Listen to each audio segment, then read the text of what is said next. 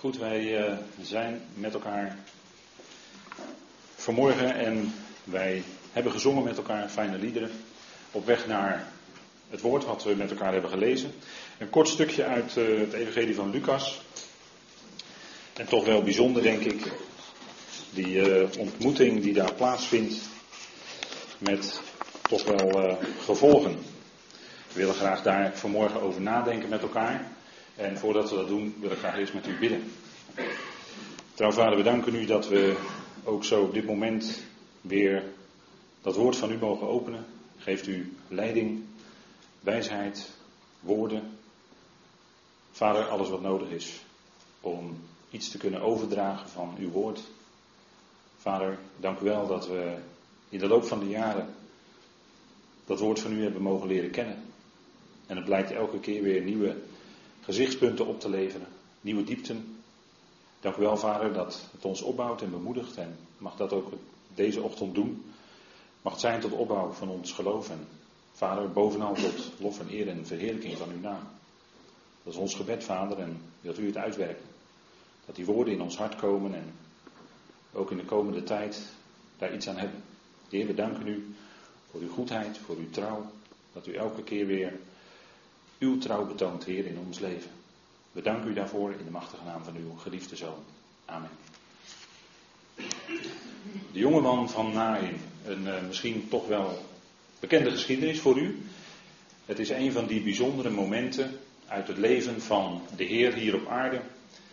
En Lucas, de evangelist zoals we dat dan noemen, toont onze Heer als de mens, als de zoon van Adam. In Lucas vind je heel veel aspecten terug over zijn mens zijn, zijn geslachtsregister wat teruggaat tot op Adam. En uiteindelijk wordt er dan in Lucas 3 gezegd, hij is de zoon van God. Je zou kunnen zeggen in Zacharia, waar we vandaag misschien nog wel verder in komen, wordt hij gezien als de man. Hè? Wordt hij aangeduid profetisch als de man. En zijn naam is spruit, dus hij spreidt uit. Dat betekent dat er nieuw leven komt. Nieuw leven. En dat is ook wat deze geschiedenis ons toont. Hè? Nieuw leven. Hij is, zoals in Lucas getekend wordt, de ideale man van God. De Heer als de zoon van Adam. En zoon in de Bijbel, daar zou heel veel over te zeggen zijn. Maar de zoon is ook onder andere de erfgenaam. Hij heeft als zoon van Adam in die zin recht op de regering over de hele mensheid. En daarvoor moest hij eerst komen als mens. En we zien ook in, juist in dit evangelie van Lucas hem getekend als mens. Hij die omging met allerlei mensen, had ontmoetingen met allerlei mensen. En ook vanmorgen staat hier die bijzondere ontmoeting centraal, die hij had met, ja, die stoet. Een droevige stoet, een rouwstoet. We willen daarover nadenken. Maar hij wordt in Lucas ook getekend als de man van gebed diverse momenten wordt duidelijk aangeduid dat hij in de afzondering was en hij sprak met vader. Dat had hij nodig in zijn mens zijn. Hij wist niet, uh, niet misschien altijd de richting, maar vader gaf hem die richting aan. En ook zo is deze ontmoeting, want er gebeurt niets bij toeval. Deze ontmoeting is natuurlijk niet toevallig. En we zullen dat zien. Na in, dat is een plaats, u ziet dat pijltje daar, in het zuidelijke gedeelte van Galilea. En Galilea lag in Israël in de noordelijke streek. Maar na, Nain was een plaats die zo'n 9 à 10 kilometer lag ten zuiden van Nazareth in Galilea. En daar speelt zich deze geschiedenis af. En dan staat er in vers 11, en dit is een van die geschiedenissen die alleen in Lucas staan, dat zijn een stuk of zes, wonderen die alleen door Lucas worden verhaald. En dit is er een van, en op diverse andere kenmerkende momenten komen we dat ook tegen. Dat de Heer iets doet. En het wordt dan alleen in Lucas gezegd. En Lucas, de schrijver van dit evangelie, was hoogstwaarschijnlijk ook arts. En hij doet ook bepaalde. Hij zegt ook bepaalde dingen op een bepaalde manier. En dat heeft met zijn medische achtergrond te maken. Maar er staat hier in vers 11. En het gebeurde in het vervolg. Of kort daarna, hè, hebben we nu NBG gelezen. En dat sluit dus aan op die geschiedenis die daarvoor ligt. En de geschiedenis die daarvoor ligt is, de, is het herstel van de slaaf van de centurion. En de centurion, dat was een hoofdman over 100, hè, de baas over 100 soldaten in die tijd. En die slaaf die werd door een woord van de Heer op afstand hersteld. En de Heer verwonderde zich over het geloof wat hij vond bij die centurion. Dat was een Romein. En dan zegt hij, zo'n groot geloof heb ik zelfs in Israël niet gevonden. Want hij zei, hij liet een dienstknecht naar de Heer toegaan en zegt, mijn belangrijkste slaaf die is zwak, die is ziek. En als ik mijn soldaten een, een woord zeg, dan doen ze dat. Met andere woorden, Heer, als u maar een woord spreekt, als u maar een woord spreekt, dan gebeurt er ook iets. En die slaaf die werd dan ook door het woord wat de Heer sprak. De Heer kwam niet eens in zijn nabijheid, maar werd door het woord van de Heer hersteld. Dat is de kracht van het woord. En die kracht van het woord, die vinden we ook in deze geschiedenis. Hè? En het gebeurde in het vervolg dat hij naar een stad ging en die wordt geroepen, want een naam wordt altijd geroepen hè, in de Bijbel. Een stad waarvan de naam wordt geroepen na in. Dus dan wordt de nadruk op gelegd. Als het zo wordt gezegd, dan moet je kijken naar die naam. En wat betekent die naam? Die naam van die stad betekent lieflijk. Maar je kunt hem ook in het Hebreeuws afleiden. En natuurlijk heeft het een Hebreeuwse achtergrond. En deze geschiedenis wordt ook verhaald op een Hebreeuwse manier. Door steeds het woordje en. Wij vinden dat heel saai, maar de schrift doet dat zo. En toen gebeurde er dat. En toen gebeurde er dat. Dus aandacht te vestigen op de details. En die details moet je ook aandacht geven in je studie. Nou, in het Hebreeuws heeft deze naam te maken met de letter Noen, dat is de 50. En bij, want de letter in het Hebreeuws heeft ook een getalswaarde. En daar is niks geheimzinnigs aan, dat ligt gewoon vast. Die 50, dat heeft iets bijzonders in de schrift. Hè? Bij de 50, dan is er een cyclus voorbij. Israël kende dat in hun, uh, in hun dienst, in hun uh, feesten die ze moesten houden. Op de vijftigste was het Pinksteren. En dan moest er iets, en dan gebeurde er iets bijzonders. En dat was ook op de Pinksterdag dat de uitstorting van de geest plaatsvond. En dat Petrus, hè, dat de Heer ging spreken door Petrus tot het volk. Er werd er ook gesproken. En de vijftigste dag, dat heeft te maken dus met verlossing. Op de vijftigste dag na de uittocht uit Egypte gaf de Heer zijn woord aan het volk via Mozes. Nou, dat zijn zo van die punten die u even in gedachten moet houden. Op de vijftigste dag, hè, die Noem die spreekt daarvan. Die naam van die stad, daar, daar zit dus iets bijzonders aan vast. En we kennen natuurlijk Jozua, Jozua die het volk leidde in het beloofde land. Jozua als een geweldig beeld van onze Heer Jezus Christus. De zoon van Noem wordt er steeds bij gezegd. Hè? Hij is eigenlijk, zou je kunnen zeggen, de zoon van de vijftig. Als je die letter vertaalt in een cijfer. Dus Jozua, met Jozua kwam de verlossing, kwam de intocht in het beloofde land. Na een woestijnreis van 40 jaar. En wij zeggen dan misschien wel, ja het leven begint pas bij 40. Hè, maar als je 40 bent geworden, dan zit je eigenlijk al, dan ga je eigenlijk al naar de 50. Hè?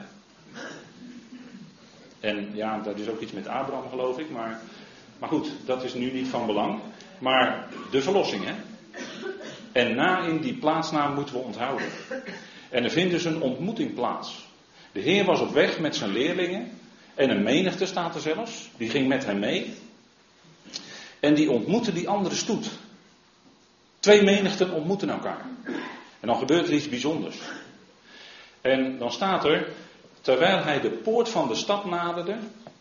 En de poort, dat is iets bijzonders hè. Een stadspoort, daar werd vroeger recht gesproken. En dat heeft ook te maken met uh, het, Hebreeuws, het Hebreeuwse woord dat ook met haar vertaald wordt. Dat heeft allemaal verwantschap met elkaar. Uh, lang haar is ook een uitbeelding van macht. Denk aan Simson, de richter. En Sarah, Sarai, de vorstin, dat heeft allemaal met elkaar te maken. Vandaar dat de naam Sarah vorstin betekent. Dat heeft te maken met, dat is, in het Hebreeuws ligt dat heel nauw tegen het woord voor poort aan. En in de poort werd ook recht gesproken. Daar was het stadsbestuur. En het is natuurlijk niet onbelangrijk dat het hier vermeld wordt dat uh, hij de poort van de stad naderde. Dat had iets te maken met, met regering over die stad. En ehm, de poort van deze stad Nain, daar was net die rouwstoet, was daar uitgekomen. Veel verdriet. Hè, en zie, en zie, dus dan moet je de aandacht, hè, dan ligt daar de aandacht op. Eén die dood was, werd uitgedragen. Er werd een dode uitgedragen. En dat gebeurde in het Midden-Oosten vaak al op dezelfde dag. Hè. Dat is vandaag de dag nog steeds zo. En daarmee was die dode was buiten de stad. En viel ook buiten de, daarna buiten de regering van de stad. Daar werden de doden begraven. Vandaar dat die stoet zich buiten de stad bevond. Viel niet langer onder het stadsbestuur. En dan staat erbij, en hij was de enige geboren zoon van zijn moeder. Je had ook kunnen zeggen, hij was de enige geboren zoon. Dan impliceer je de moeder. Maar de moeder wordt hier expliciet genoemd. De enige geboren zoon. En dat is een uitdrukking die in de schrift niet zo vaak voorkomt. Maar wel wordt die gebruikt voor onze Heer Jezus Christus. Die in Johannes regelmatig de enige geboren zoon wordt genoemd. De enige geboren zoon. En de nadruk ligt dan op dat enige. In het Hebreeuws is dat woord, heeft te maken met één. Als ik het zeg tegen u, dan hoort u dat ook. Hè? Jachit. Dat klinkt als echat. De Heere uw God is één. Die enige geborene werd in het Hebreeuws met dat woord aangeduid. De enige geboren zoon. En daarmee is die dode die uitgedragen wordt, dat moet ons een hint geven naar onze Heer zelf. De Heer Jezus Christus. En Isaac wordt zo genoemd. Hij was de enige zoon van Abraham. En dan zegt u, ja, maar Abraham had meer zonen. Ja, maar het ging om die ene, om Isaac. Dat was de zoon van de belofte. Dat was de enige. De enige geborene. die, die zoon die Abraham zo lief had. En het wonderlijke is dat ook van die zoon wordt gezegd dat Abraham bij wijze van spreken uit de doden heeft teruggekregen. Dus met die enige geboren zoon blijkt in de schrift iets te gebeuren. Namelijk, die sterft. En die wordt ook weer opgewekt uit de dood. En zo is het ook bij onze Heer. En die moeder, die wordt niet met name genoemd. Maar als we het hebben over de Heer als de enige geboren zoon, dan ontmoette hij eigenlijk in die moeder, ontmoette hij eigenlijk het volk Israël, uit wie hij zelf afkomstig was. Het was zijn moedervolk. Het was niet alleen zijn vaderland Israël, maar het was ook zijn moedervolk. Hij ontmoette daarin zijn moeder. En dan wordt het een hele bijzondere ontmoeting. Hè? Als, je, als je dat laat, laat meewegen, hè? als je dat gaat ontdekken. Hè? En die moeder blijkt ook de weduwe te zijn. Want er staat bij, en zij was een weduwe. Hè? Nota bene. Zij was een weduwe, wat een verdriet. Wat een enorm verdriet had die vrouw. Een weduwe, en dan ook nog haar enige geboren zoon overleden. En dan ontmoet zij de Heer. En in die ontmoeting met de Heer wordt alles anders. En de Heer, hij wordt hier zo genoemd. Hè? Als u dit stukje leest, dan wordt hij niet bij zijn persoonlijke naam Jezus genoemd. Maar hij wordt één keer aangeduid als de Heer. Moet u opletten, hè, die dingen. Daar lees je overheen. Maar dat heeft natuurlijk ook betekenis. Hij blijkt hier namelijk de Heer te zijn, die macht heeft over leven en dood. En hij had van vader een bijzondere kracht ontvangen om hier, deze jonge man, daar iets mee te doen wat een enorme troost gaf aan die moeder, want die moeder had een enorm verdriet. Zij was A, weduwe, een enorme lege plek in de leven, ongelooflijk. En dan ook nog de enige geboren zoon. Wat voor haar misschien nog een troost was, maar was ook weggenomen. Zij moet bijzonder, bijzonder zwaar verdrietig geweest zijn op dit moment. En dat is een profetie, hè? als we kijken naar die moeder die tegelijkertijd ook weduwe is, dan is het een beeld eigenlijk van het volk Israël. Want in Jezaja wordt een belofte gegeven.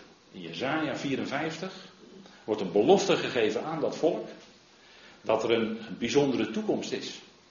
En er wordt gezegd tegen dat volk in Jezaja 54, wees niet bevreesd, want jullie zullen niet beschaamd worden. Ja, jullie zullen de schande van jullie jeugd vergeten en niet meer denken aan de smaad van jullie weduwschap. Dat is een belofte voor de toekomst. Als ze in de vreugde zullen zijn van een nieuwe verbond, dan zullen ze hun weduwschap, wat ze nu in feite als volk ervaren, want hun, hun man is eigenlijk overleden. En zij beseffen niet, of zij geloven niet dat hij uit de doden is opgewekt. En ze zijn nu in feite weduwen. En straks wordt dat hersteld. En zoals de Heer geweldige vreugde gaf bij die vrouw daar, bij Nain, zo zal dat volk een geweldige vreugde gaan ervaren in die nieuwe tijd die komt. En dan is er ook die andere menigte, hè, die rouwstoet. En een groot deel van de stad, en dat ging zo in die tijd, een groot deel van de stad, die rouwde mee. En dat is ook wat je als mensen doet, hè, als bekenden van je of gemeenteleden eh, komen te overlijden, dan ben je daarbij betrokken. En dan zie je soms dat er veel mensen aanwezig zijn, hè, een hele rouwstoet. Dan rouw je mee met degene die op dat moment verdriet heeft. En zo gebeurde het ook in die tijd, gingen veel mensen mee. En er werden ook speciale uh, mensen soms uh, ingehuurd hè, om te rouwen, om te wenen, om te huilen. En die vrouw die huilde natuurlijk ook. En de Heer die zegt dan iets wonderlijks tegen haar. En dat gebeurde dus buiten die poort. Hè. En dan ontmoet de Heer haar en dan ziet hij die vrouw. En wat gebeurt er dan? Dan staat er, de Heer was met innerlijke ontferming over haar bewogen. Hij zag het verdriet van die vrouw, van die moeder, van die weduwe. En hij was mens. En hij ervoer zelf ook bij gelegenheid verdriet. Denk maar aan Lazarus, toen hij zelf ook huilde. Dat zijn vriend was overleden. Maar hij was innerlijk met ontferming bewogen. Hij had mededogen met die vrouw. Dat is het woord. Dat heeft te maken met zijn innerlijk, innerlijke ontferming. Dat woord wordt, wordt vaker in de schrift gebruikt, ook voor de houding van JW, van God, van ik ben ten opzichte van zijn volk. Als zijn volk barmhartigheid betoont, dan blijkt daaruit dat hij met innerlijke ontferming bewogen is. En dat is hij ook vandaag de dag met het volk. En daarom zal hij straks ook zijn belofte inlossen. Met innerlijke ontferming bewogen. Als we andere mensen ontmoeten, dan, dan kun je zo bewogen zijn over die ander, over wie, ja, die een akelige, gebeurtenis is overkomen, zoals deze vrouw. Een rouwstoet, rouw, verdriet, pijn. Hè? Innerlijk met ontferming bewogen, dat was de Heer. En de Heer die ontmoet dan die vrouw en dat innerlijke ontferming bewogen, dat geeft hij ook aan ons door als, als gemeenteleden. Hè? Want we zitten hier te luisteren, eh, na te denken over dit gedeelte als gemeenteleden. En dat geeft hij ook aan ons door. Hè? Als wij die geest van de Heer hebben ontvangen, dan, dan zouden we ook naar elkaar omzien. Hè? Dat is ook wat de apostel Paulus schrijft, bijvoorbeeld in zijn brieven. En ik denk toch dat dat soms een bijzondere, bijzondere dingen zijn, bijvoorbeeld in Colossense 3. En daar lezen we in Colossense 3, vers 12, waar de apostel Paulus tegen ons zegt als gelovigen, doet dan aan als God, Gods uitverkoren heilige en geliefde, medelijdend mededogen. Dat is hetzelfde woord. Medelijdend mededogen. Mededogen hebben met die ander. Medelijden met die ander. Is die innerlijke ontferming. Hè? Zoals de Heer die hier had ten opzichte van die vrouw, van die rouwde daar. Had hij als mens, was hij bewogen daarmee, was hij daarbij betrokken. En, en Paulus, hè, de Heer geeft dat via Paulus aan ons door. Doet dan aan. Als je gelovige bent, wat draag je dan? Nou, doet dan aan, zegt hij. Medelijden, mededogen, mildheid. We kunnen soms zo hard over elkaar oordelen, ook als gelovigen onderling. Ootmoedige gezindheid. Dat zou onze, onze basishouding zijn. Hè? Ootmoedige gezindheid. En, en bij die Corinthiërs was het zo dat de een tegen de ander zich uh, verhief. De een stelde zich boven de ander. Maar als jij een oordelende vinger naar die ander uitstrekt, door wat je zegt over die ander, dan stel je in feite daarmee boven die ander. Want dan vind jij dat jij beter bent op dat moment. Maar onze grondhouding zou zijn ootmoedige gezindheid. En dat ligt heel dicht aan, hè, en daar komt ook uit, medelijdend mededogen. Het heeft met ons innerlijk te maken. Het woord verwijst naar onze ingewanden. En als die geest in ons werkt, dan is het de geest die ons ontferming geeft, mededogen geeft ten opzichte van die ander. He? Elkaar met geduld verdragend. He? geduld, elkaar verdragend, elkaar wederzijds genade schenkend. En dat, dat zit allemaal, dat, dat zit allemaal zo dicht bij elkaar. Dat is allemaal die uitwerking van die geest in ons. En als we deze dingen lezen, dan is het voor ons iets dat ons aanspreekt, denk ik. Paulus zegt dat rechtstreeks tegen ons. En niet alleen hier, maar ook in de Efezebrief of in Filippenzen. Hij komt daar steeds mee terug. En dan zag hij bij de Filippenzen bepaalde dingen en dan zei hij, maak dan mijn vreugde compleet. Maak mijn vreugde compleet. En dan noemt hij ook dat mededogen. Hè? Gods liefde. Dat is innerlijk met ontferming bewogen zijn over die ander. En dat is ook typisch wat Lucas naar voren brengt in zijn evangelie, om het zo maar te zeggen. In zijn verslag van het leven van de Heer. Als we kijken naar Lucas 10, hè, die Samaritaan, die daar op weg was naar, van Jeruzalem naar Jericho. Of die uh, wetgeleerde was dat eigenlijk. Maar die kwam, toen kwam die Samaritaan langs. En die was innerlijk met ontferming bewogen over degene die hij daar aan de kant van de weg zag liggen. En hij deed er ook iets mee. Hij nam hem op zijn dier, op zijn lastdier, en hij bracht hem in de herberg. Hij verzorgde hem. De uitwerking, hè, dat is de barmhartigheid. En denk aan die vader, hè, die vader van die verloren zoons. Die was met innerlijke ontferming bewogen toen hij zijn zoon zag terugkomen uit dat verre land. En die had er een zootje van gemaakt, die zoon. Hè? Zal maar op zijn Rotterdam zeggen dan. Die had er echt een zootje van gemaakt. En wat doet die vader? Gaat die vader hem veroordelen? Nee, daar vond weer een ontmoeting plaats. Zoals vanmorgen het gaat om die ontmoeting die de Heer had met die stoet. Met die weduwe, met die moeder die verdriet had. En die vader die ontmoette zijn zoon. En was daar een woord van veroordeling voor die zoon? Nee. Die vader stond met open armen klaar. En het was feest. Het was feest. Want die zoon die was dood geweest. En die was nu weer levend. Hij was nu weer terug. De communicatie werd hersteld. Ontmoeting. Dat is eh, bijzonder als de Heer mensen ontmoet. Als de Heer mensen ontmoet. Als je de Heer ontmoet, echt ontmoet in je leven, dan gebeurt er ook iets. Dan heeft dat enorme impact op je leven. Dan heeft dat gevolgen. Zoals het hier ook gevolgen voor die vrouw. Zij ontmoette de Heer en daarna was alles anders. Als je de Heer ontmoet, dan is daarna alles anders in je leven. En dat kan soms heel stilletjes gaan, maar het kan ook heel heftig gebeuren, zoals bij Saulus. Maar de Heer ontmoette deze vrouw en daarna was alles anders. Dat is ook in ons leven. Als een mens de Heer werkelijk ontmoet, dan wordt het anders in je leven. Dan gebeurt er iets. Dan gaat er een vernieuwingsproces op gang komen. En dat is het bijzondere. Want het kan best zijn dat je als gelovige de Heer kent. Maar het kan ook zijn dat je als gelovige na verloop van tijd een, een werkelijke, behoorlijke ontmoeting hebt met de Heer. Dan begrijpt u denk ik wel, een aantal zullen best wel begrijpen wat ik hiermee bedoel. En daarna wordt het anders. Als de Heer soms even heel kort in je leven ingrijpt, corrigeert. Maar hij ging naar die baar toe, hè, hij kwam bij die stoet. En hij ging naar de baar toe, raakte die aan. En door dat aanraken zou hij volgens de wet, zou hij volgens de Torah ritueel onrein zijn. Want je mocht zelfs niet een baar van een dode aanraken. Zeker niet een dode. Maar hij deed dat. En had het op effect op hem dat hij dan onrein zou zijn? Ja, misschien volgens Torah wel, maar hij was daardoor niet onrein hoor. Integendeel. Want als een dode in aanraking komt, hè, als hij in aanraking komt met een dode, dan gebeurt er iets bijzonders, dan worden doden opgewekt. Dat was de kracht van zijn woord. En, en dat is ook de kracht van Gods woord in ons leven.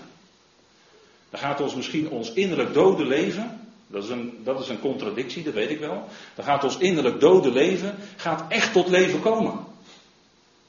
Hoe? Door het woord, door het levende woord wat hij spreekt. In het begin was het woord, zegt Johannes, en alles is door het woord tot stand gekomen. Daarom is die, die veranderende kracht van Gods woord. Dat is de grootste kracht in deze tijd om mensen werkelijk te veranderen van binnenuit. Dat is de ontmoeting als Hij zijn woord in ons leven spreekt. Hij ging naar de baar toe, hij raakte die aan en hij zei tegen de jonge man, hè, tegen de jeugdige staat er dan, wees opgewekt. Er staat niet sta op, maar hij gebruikt hier een woord, wek, waak op, word opgewekt. En dat woord was voldoende. Dat is die levendmakende kracht van zijn woord. Hè? En dan staat er, en de dode ging overeind zitten. En hier gebruikt Lucas dan een medische term, die maar heel zeldzaam in de schrift wordt gebruikt. Alleen nog in handelingen 9, maar dat is ook van de hand van Lucas. En zijn moeder kreeg hem terug. Dat is bijzonder, hè? Want hij zei tegen die moeder: Huil niet, ween niet. Dat is wonderlijk als ze daar de doden uitdragen. En zij is weduwe en zij is in diep verdriet. En dan zegt hij tegen die moeder ook nog eens een keer: Huil niet. Dat is harteloos. Dat is niet pastoraal. Maar wat ging die doen? Wat ging die doen? Hij wekte die zoon op uit de dood. Dat was de grootste troost die hij haar kon geven. En dat is altijd waarin Gods woord de troost zit voor ons. Als wij verdriet hebben over degene die ons ontvallen zijn. Er komt een opstanding in de toekomst. En dat moment zou wel eens dichterbij kunnen zijn dan we denken. Hij zal degene die ons ontvallen zijn opwekken. Doordat hij spreekt natuurlijk op dat moment. Er zal een stem klinken. En de doden in Christus zullen opgewekt worden. Kijk, dat is onze troost. En dat is altijd de troost in de schrift. Waarmee kun je vertroosten? Met deze woorden, zegt Paulus dan. En die woorden die klinken dan over opwekking, over opstanden. Kijk, die enige geboren zoon van Naaien werd opgewekt uit de dood. En zo werd ook de enige geboren zoon van God opgewekt uit de dood. En hij is zelfs de eerstgeborene uit de doden. En daar zit een geweldige troost in. Dat is niet zomaar een mededeling van Paulus. Maar daar zit een geweldige troost in. Voor u, voor ons, voor mij, voor jou. Voor alle mensen. Want dat, dat houdt in dat al die mensen. Waar we nu verdriet over hebben. Die, die als ze overlijden levert het een lege plek op in ons leven. Moeilijk. Maar er komt een geweldig moment van opstanding in de toekomst. En hij is de eerstgeborene uit de doden. De eerstgeborene, dat wil zeggen dat er nog een hele serie gaat volgen. Ja, de hele mensheid zelfs. dat, is, dat is werkelijk iets dat je, ja, wat je goed nieuws geeft. Ten, te midden van al die berichten die we vandaag lezen. Zoveel uit de media wordt op ons afgebombardeerd. En meestal zijn negatieve berichten. Maar Gods woord is een geweldig goed nieuws. Hè? Een ontmoeting vond daar plaats hè? tussen twee groepen, tussen twee menigten. En zo zal er ook in de toekomst een hele bijzondere ontmoeting gaan plaatsvinden. En daar is deze geschiedenis, denk deze, deze prachtige geschiedenis, waarbij de Heer die jonge man opwekt uit de dood en die moeder geweldige troost geeft. En ook de omstanders natuurlijk. Maar zo zal er nog veel grotere troost zijn in de toekomst. Want de Heer zei tegen zijn volk: Voor een klein ogenblik heb ik je verlaten. Dat is ook Jezaja 54. Jezaja 54. Voor een klein ogenblik heb ik je verlaten. En wij zeggen: Nou, dat is een hele lange tijd, 2000 jaar. Is de Heer opgevaren naar de hemel, hij is weggegaan. Maar de Heer zegt: Dat is maar een klein ogenblik. Want zet het maar eens af tegen die lange tijdperken van zijn plan. Zet het maar eens af tegen als die tijdperken voorbij zijn. Dan zal echt de eeuwigheid aanbreken, hè, als de eonen voorbij zijn. Zet het daar maar eens tegen af. Dan is het inderdaad een klein ogenblik. En kijk, die menigte uit Nain, die rouwstoet, die ontmoet de Heer met zijn discipelen. En in de toekomst, daar spreekt de profeet Zacharia over. Profeet Zacharia, die spreekt ook over een bijzondere ontmoeting in de toekomst. En dan gaat het over de Heer met zijn volk. Zoals de Heer hier ook in die moeder zijn volk tegenkwam. Zacharia spreekt daarover. Hè? En Zacharia, de naam van die profeet, die is heel mooi, want dat betekent de Heer of ja herinnert zich. Hè? Daar zit in herinneren. Daar zit in dat de Heer omziet naar zijn volk. Dat is zijn liefde.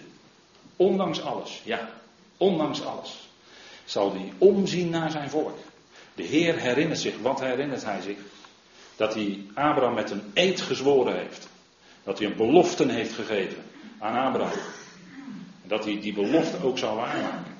Want bij de Heer is een woord niet een loos woord. Dat is niet zomaar gesproken. Maar als hij een woord spreekt, dan doet hij dat ook. 100%. En Zacharia spreekt daarover. Hè? Kijk, daar in die stoet was een overledene, was een dode. En als de Heer straks zal komen, dan zal Israël hem ontmoeten. En wie zullen ze dan ontmoeten? Dat staat in Zacharia. Over het huis van David en over de inwoners van Jeruzalem zal ik de geest van de genade en van de gebeden uitstorten. En ze zullen mij aanschouwen die zij doorstoken hebben. Dat is heel bijzonder hè, wat hier staat. Ze zullen mij aanschouwen, zegt de Heer, die zij doorstoken hebben. Dat is het kruis. En ze zullen over hem rouw bedrijven, als met een rouwklacht over een enig kind. Daar heb je het, hè? Over een enig geborene. Jachit staat er hier in het Hebreeuws. En ze zullen over hem bitter klagen, zoals men bitter klaagt over een eerstgeborene. Wordt ook genoemd, hè? Hij is dat. Hij is die enige geboren zoon van God. Hij is de eerstgeborene uit de doden. En wat zal er dan zijn? Een rouwklacht. Zoals die rouwstoet bij Nain uit die stad kwam. En Israël zal dan ook in de toekomst, als, als die gebeurtenissen gaan plaatsvinden aan het eind van die laatste jaarweek, zal Israël ook, de gelovigen zullen ook de stad uitvluchten. De stad uit. En hem ontmoeten. En ze zullen hem zien. Want in Zacharia staat ook, als men tegen hem zegt, wat betekenen deze wonden aan uw handen? Dan zal hij zeggen dat ik geslagen ben in het huis van hen die mij liefhebben. Hij werd geslagen in Israël, in het land, in het huis dus, in zijn huis. Nota bene werd hij geslagen in het huis van hen die mij liefhebben. En hen die mij liefhebben, verwijzing eigenlijk naar Abraham. Ongelooflijk. Hij had zijn volk zo lief. Hij deed wonderen, hij wekte de doden op. Hij genas de zieken. Hij heelde. Hij was met innerlijke ontferming, echt als mens, in met innerlijke ontferming bewogen. Niet humaniteit, maar Gods liefde door hem heen. Gods liefde. Zo was hij met innerlijke ontferming bewogen. En notabene in dat huis van degene die hij zo lief had, werd hij veracht, werd hij verworpen, werd hij zelfs gekruisigd. Moet je nagaan. En wat een liefde als hij dan toch doorgaat. Hè? Hij gaat toch door. Liefde gaat altijd door. Want liefde is sterker dan de dood. Gods liefde gaat altijd door. Zal nooit ophouden totdat die laatste er ook is. En JW zal uittrekken, staat er dan in Zacharia 14, en tegen die heidevolken strijden, dat is allemaal nog toekomst. Zoals de dag dat hij streed, op de dag van de strijd. Hè. Op die dag zullen zijn voeten staan op de olijfberg die voor Jeruzalem ligt, ten oosten ervan. Dat is als Jeruzalem omsingeld is door de vijandige volkeren. En als Jeruzalem verwoest zal worden, dan zal hij komen. En dan zal de olijfberg in tweeën gespleten worden, naar het oosten en naar het westen. En er zal een zeer groot dal ontstaan als de ene helft van de berg naar het noorden zal wijken. En de andere helft ervan naar het zuiden. En dan ontstaat er een dal waardoor zij kunnen ontkomen. En dat is Azal, hè, dat is gereserveerd. Dan zult u vluchten. Dan zal Israël kunnen vluchten, want hij zal komen als de verlosser. Zal vluchten door het dal van mijn bergen, want het dal tussen de bergen zal rijken tot Azal. En Azal betekent gereserveerd. Dan zullen ze kunnen vluchten naar een voor hen gereserveerde plaats. En dat voert nu veel te ver om daar dieper op in te gaan.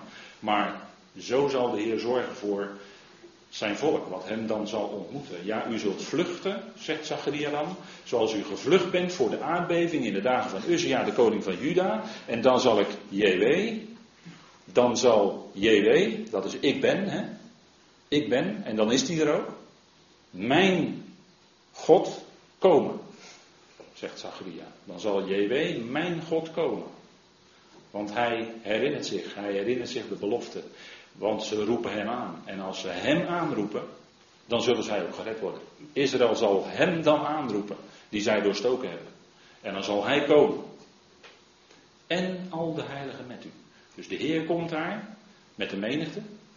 En hij ontmoet dan die menigte die uit de stad vlucht. En dat is dan de zoon die terug is bij de moeder. Want er staat zo mooi in deze geschiedenis van Lucas 7. Dat die zoon, hij gaf hem aan zijn moeder terug. in vers, uh, vers 15. En hij gaf hem aan zijn moeder. De zoon werd teruggegeven aan de moeder. En zo wordt de Heer op dit moment als het ware teruggegeven aan zijn volk. En dan zegt hij: In grote barmhartigheden zal ik jullie bijeenbrengen. Die innerlijke ontferming, die blijkt hier. Barmhartigheid. Dat heeft te maken met de enorme voorzorg en het omzien naar zijn volk. Dat is ook Jezaja. Hè? Jezaja 54, belangrijk gedeelte in verband hiermee. En zo zien we dat ook in de toekomst een geweldige ontmoeting zal plaatsvinden van de Heer met zijn volk. En dat blijkt dan ook twee groepen te zijn, want de volk vlucht uit en de Heer zal komen met zijn heiligen. En die geweldige ontmoeting, dat is nog toekomst, muziek voor het volk. En dan zegt u ja, onze ontmoeting, die is niet op de olijfberg hoor. Onze ontmoeting is als de bazuin klinkt en wij de Heer ontmoeten zullen in de lucht. Wij worden weggerukt straks. Maar dat is voor, voordat al deze dingen gaan plaatsvinden. Wij worden voor die laatste week van Daniel weggerukt. En pas aan na die laatste week van Daniel zal dit plaatsvinden waar Zacharia over spreekt. Dus wij, onze ontmoeting met de Heer is eigenlijk veel eerder dan voor Israël. Daar zit minimaal zeven jaar tussen. Minimaal. Zo niet langer. En wij zien uit naar dat moment wanneer de Heer ons komt halen en de bazuin klinkt. Maar wat een ontmoeting zal daarna nog gaan plaatsvinden als de Heer ook met Israël tot zijn doel komt. En je merkt soms als je, Israël is, is heel belangrijk in Gods heilshandelen. Ongelooflijk belangrijk is het volk. Wat een bijzondere taak zal krijgen hier op aarde. Want dat wordt eigenlijk aangegeven in een beeld in dat laatste vers van dit stukje. En dan juichen de mensen natuurlijk eerst dat een groot profeet is onder ons opgestaan. Hij wekte de doden op. Dat, dat ging natuurlijk, dat gerucht verspreidde zich natuurlijk heel snel.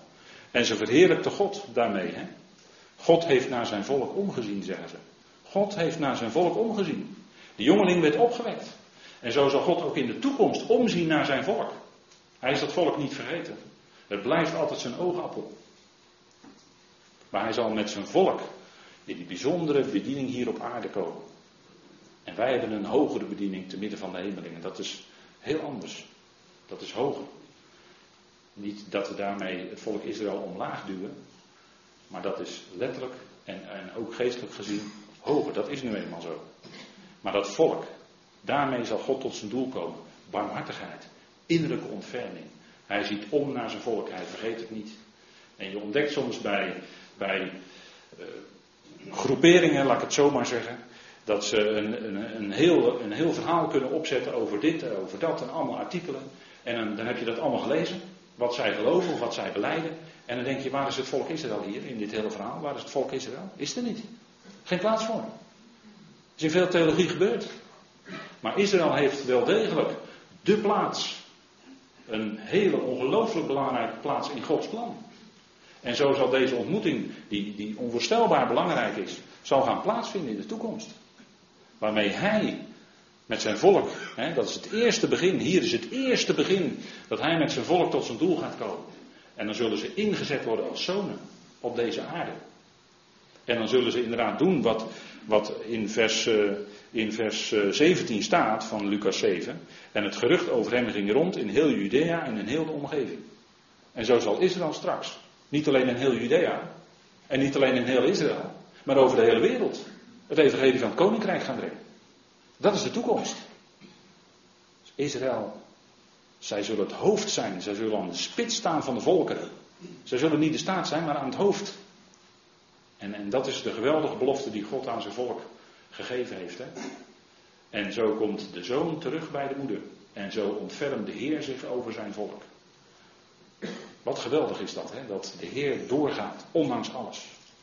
En dat dat volk ook bij hem terug zou komen, als was het de verloren zoon. Dat is een heel ander beeld, hè? maar zo is het wel. Als was het de verloren zoon, zullen ze bij hem terugkomen. En het zal feest zijn, zo zal het ook in de komende koninkrijk zijn, hier op aarde, feest. En wij boven het midden van de hemelingen, dat is ook feest. Maar goed, dat is ons uitzicht. Hè? Amen.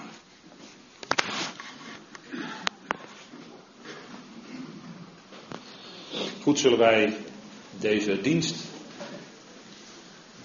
besluiten zometeen met zingen. En ik wil graag met u de Heer danken. Vader, we danken u dat we in zulke geschiedenissen, vader, toch bijzondere lijnen zien. In zo'n ontmoeting, vader, die de Heer had met deze weduwe, met deze vrouw die zo verdrietig was. En dank u wel dat, vader, er werkelijk bemoediging en troost kwam. Doordat hij opwekte uit de dood. En vader, dat is voor ons die geweldige troost die wij kennen. Dat er opstanding, opwekking zal zijn in de toekomst. En wij verenigd zullen worden met al diegenen die ons ontvallen zijn. Die lege plaatsen, vader, waar we verdriet over hebben. Maar we zullen ze weer ontmoeten. Wat een troost. Dank u wel, vader, dat u door uw woord aanspreekt, bemoedigt. En vader, dank u wel voor dat medelijdend mededogen van uw zoon.